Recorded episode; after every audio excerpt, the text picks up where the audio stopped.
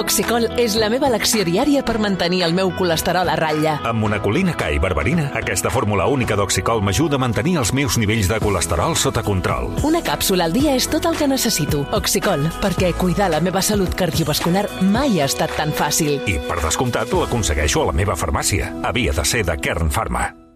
Tira.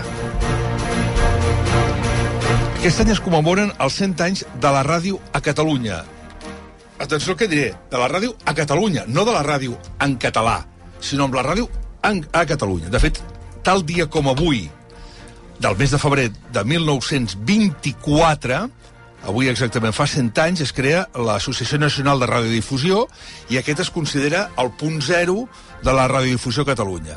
El president redactor, el rector de Ràdio Societat de Catalunya és en Jordi Margarit. Hola, Margarito, bon dia. Bon dia, Jordi, què tal? Bon com dia. esteu? Com Molt esteu bé. tots plegats? Molt bé, molt bé, aquí estem. Aquí. Animats, animats, escoltat com molt Sí, animats. sí, sí. També li hem demanat a la Mònica Terribas que es quedi perquè ha dirigit i presentat un documental a TV3 sobre aquests anys, 100 anys de la ràdio, que es diu La ràdio silenciada. Qual, el, el veurem demà, no?, aquest reportatge, aquest El documental? veurem demà dintre els espais que programa TV3 cada setmana, del Sense Ficció, un a les 10 i l'altre a les 11, 11 i escaig. Doncs a les 11 i escaig. Ah, segon prime time. En diuen així? En diuen així, Mònica? En diuen així, sí. Sí, en fan dos, em sembla que el primer és eh, sobre els ultras i el segon és el de la, el de la ràdio que explica uh, una mica ara us ho explicarà en Jordi, no? Mm. A nosaltres... Uh, Però dic, perdona, eh, dic segon, en segon prime time. en segon prime time, sí. Que, que 11. curiós que un, que un centenari de la ràdio a Catalunya vagi en segon prime time i no vagi en primer prime time, no?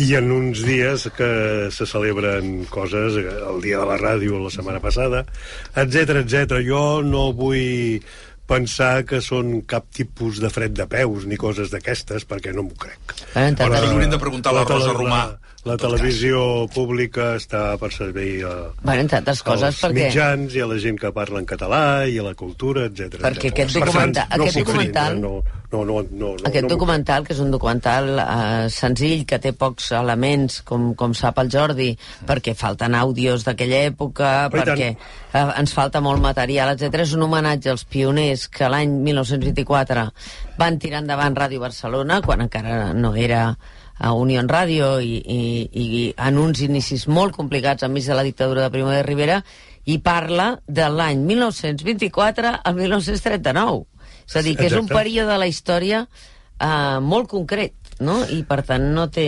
És un període que ningú s'havia preocupat fins ara de contactar amb la gent eh, o els seus descendents, els seus familiars, que van tenir la idea, la decisió eh, estratègica fonamental d'avui, d'avui fa 100 anys, exactament avui fa 100 anys, de constituir una entitat que agrupava empresaris, eh, agrupava eh, i- activistes també, I, i enginyers. biòlegs, enginyers, i gent doncs, fascinada pel que s'havia obert ja de, a, a Londres amb la BBC o amb Ràdio París. I, per tant, la tercera li tocava a Barcelona, però no perquè li toqués per generació espontània, sinó perquè aquí hi havia hagut una, unes persones molt lligades amb una ciutat, la ciutat dels prodigis encara, en aquell moment, que estaven introduïdes en diferents elements, diferents entitats del país, i aquesta gent, per exemple, un d'ells, Royston Sant Noble, lligat amb el Barça, el Pau Llorenç lligat en el món del motorisme, eh, i l'Eduard Rifà, que, que estava lligat en el món de les noves tecnologies en aquell moment. És, eh, tenia una revista que es deia Ràdio Lot. Per què?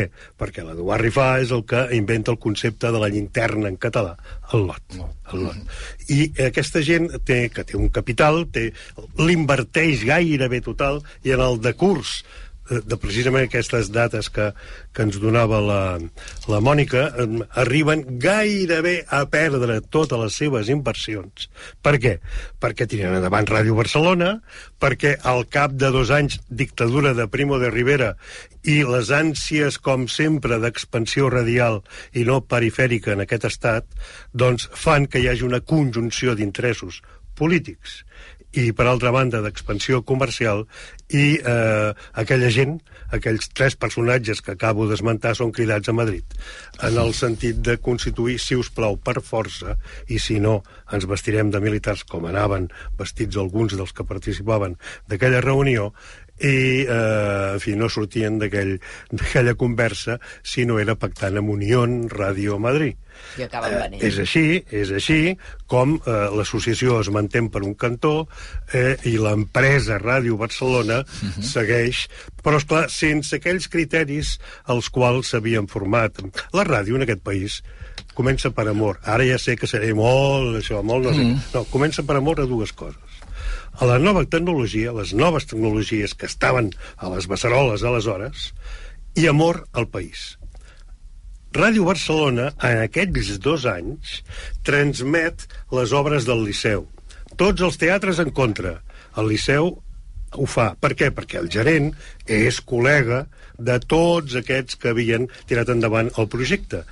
I s'acusa Ràdio Barcelona de classista com voleu que se pugui acusar precisament a Ràdio Barcelona de classista en aquells dos anys, primers anys, si feia arribar a l'òpera a la gent que mai anava o hagués pogut anar mai a dintre el Liceu?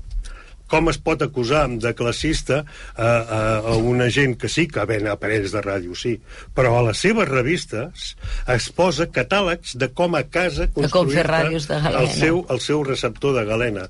Per tant, té una ideologia, i té una ideologia de servei que es manifesta també al començament de les emissions de beneficència, eh, al, al començament de les emissions de la meteorologia, perquè en el Prat de Saba i el Font Serè eren amics de l'Eduard Rifà, i allò que s'editava a nivell de la Diputació de Barcelona d'informació meteorològica volen que, a més a més de ser escrites, passin servei a la pagesia i, el, i a la gent i als pescadors. És veritat, perquè ho tinguem tots clar, que la dona tenia un paper molt preponderant en aquelles èpoques alhora, fins Sí. i tot del que seria la narració a través d'un micròfon? Sí, l'Associació Nacional de Radiodifusió es queda fora de Ràdio Barcelona, surt i crea immediatament mm, Ràdio Associació de Catalunya. Aquesta associació canvia per nom, per això de nacional, Sí. no pot ser, etc i es diu Ràdio Associació de Catalunya. Per això nosaltres ens considerem hereus. Per això nosaltres fem 100 anys públicament. Uh, aleshores, la millor professional, la professional més ben pagada, no només a Ràdio Associació de Catalunya, que amb l'adveniment de la República pot emetre, pot fer-ho tot una altra vegada a nivell obert i a nivell expansiu, crea Ràdio Girona, crea Ràdio Lleida, etc. La millor locutora, la més ben pagada, no només de Ràdio Associació, no només de Ràdio Barcelona, sinó de tot l'Estat, és Rosalia Rovira. Rosalia Rovira, eh? En temps de la República, vull dir, l'impulsar les tasques, el treball, la feina, la feina de, de, de la dona en general, té un reflexe, té un mirall a Ràdio Associació, precisament amb la Maria Terça de Lleida, amb la Francina Boris de Girona i amb, sobretot amb Rosalia Rovira. Això et sona, la Maria Terça? de Lleida? No, clar. Del Maselles, del Maselles. Mònica. La ràdio silenciada és, és una peça mm, que conté tot el que està explicant el Jordi, però també per les generacions més joves que es puguin fer la idea del que significava fer ràdio la, en aquella època, no? I aleshores està concebut no únicament per explicar aquesta història, sinó també per entendre com es feia la publicitat en directe, eh, quin paper hi tenia la música i com eh, la programació, i aquí és on, on en parlem amb, amb professionals de, de la ràdio i amb, i amb acadèmics, la programació que es feia en aquella època, eh, doncs segurament té molt a veure amb la que fem avui, no? d'apropar-se a la gent, de fer emissions públiques, de la, la ràdio de beneficència que en deia en Rifà, que ara seria doncs, l'actual uh, marató, etc etc. no? aquells dos elements que jo definia de per com neix la ràdio en aquest país ha de lluitar amb tres dictadures, una de Forta, la Primo de Rivera, una de Blanda, i després la que hi ha mm, més o menys tots els que estem en aquestes aules aguts, taula asseguts, l'hem viscut, que és la, la franquista. Però aquells dos elements inicials d'amor als mitjans de comunicació amb la corresponent responsabilitat, honestedat professional, més l'amor al país, és el que després de superar aquestes dictadures arribem en el moment on som, brillant, pel que és la radiodifusió... Hem heretat moltes coses allò, feta, aquella època, feta, Jordi. Feta, amb aquests dos condicionants que t'he dit jo, o aquests dos objectius, són fonamentals. A nosaltres, ningú ens ha de venir de Madrid, ningú ens ha de venir a Madrid per dir que a Catalunya es fa molt bona ràdio ja ho sabem, ja ho sabem. I tenim aquesta relació i aquesta connexió amb el... des de fa Escolta, fa anys que ho diem, això. Sí. Que, des d'aquí que, que, que el moment dolç que viu la ràdio a Catalunya és... Des, o sigui, la llengua... Primer, la ràdio que es fa des d'aquí i la ràdio que es fa amb la llengua. Catalunya. Vull dir, si alguna cosa ha aguantat la llengua és precisament amb la ràdio. I una cosa trista que ho vam constatar, eh, que la Margarida Moles, que està empenyent des de fa anys amb en Jordi la memòria d'aquella època, no? eh, que els frustra molt perquè han fet una feina molt exhaustiva per recopilar tota la documentació que hi ha és que hi ha molt poc àudio sonor, és a dir, poquíssim. De fet, el documental comença amb un àudio que no és ni de l'època real o que mm -hmm. se suposa mm -hmm. que, que, es va, que es va enregistrar, no? I això frustra molt. Per què? Perquè són tant de bo tinguéssim, per posar un exemple, no? els funerals del company ai, del, del Macià, Macià, Macià, que es va fer una transmissió in itineri, no? Va punxant ser tot, telèfons. Punxant, punxant telèfons. Fils telefònics. Fils perdó. telefònics. Sí. Tot això s'ha perdut. S'ha perdut la veu de la, de la Rovira, s'ha perdut la veu de la Terça, s'ha perdut la veu...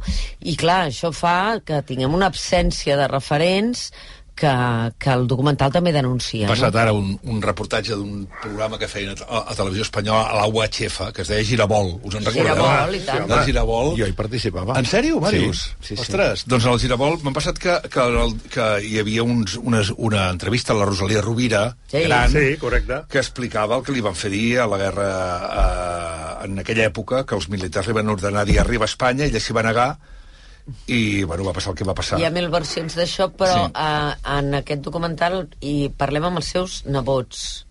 I és una història de debò, meravellosa, preciosa, preciosa el que expliquen els nebots de com van descobrir la seva tieta, no direm res més, no, Jordi? És que la... No, home, és que la validació... És que la validació de tot plegat que, que comentem és fruit d'estudis, de contrastar molta hemeroteca, sobretot tenir els familiars que eh, ens han reconegut, diu, escolteu, és que fins ara ningú ens havia mai dit res.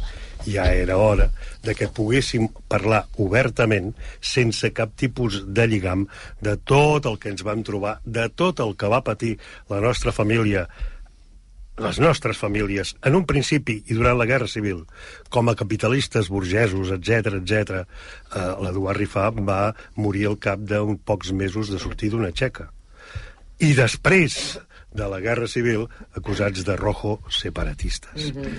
eh, ara que parlaves de Girabol, no s'entén TV3 sense Miramar sense la feina que es va fer a Miramar en el, en el seu moment. No s'entén aquesta Alex i a TV3 sense això. Vull dir que cal recordar-ho. Nosaltres avui hem tret per xarxes un, un petit eh, document, petitíssim document, que agraïm la feina de treballadors, etc etc. Nosaltres no ens deixem cap nom. I, per tant, Miramar també uh -huh. s'ha d'esmentar, com s'ha d'esmentar l'Escamilla, com s'ha d'esmentar el Quim Maria Puyal, com s'ha d'esmentar tot un seguit de gent que aquests que diuen que ens han de venir a explicar que uh mhm. -huh. fem la millor ràdio emmudeixen. Ja emmudeixen. Bueno, demà, eh, Mònica? De dir, vaja. Demà, demà. La ràdio silenciada, demà... També es dic una cosa, al segle XXI eh, si no ho veieu tan tard a la nit, ho podeu recuperar, recuperar. quan vulgueu tant, a la plataforma. Vull dir, això rai que ara, ja escolta'm tu.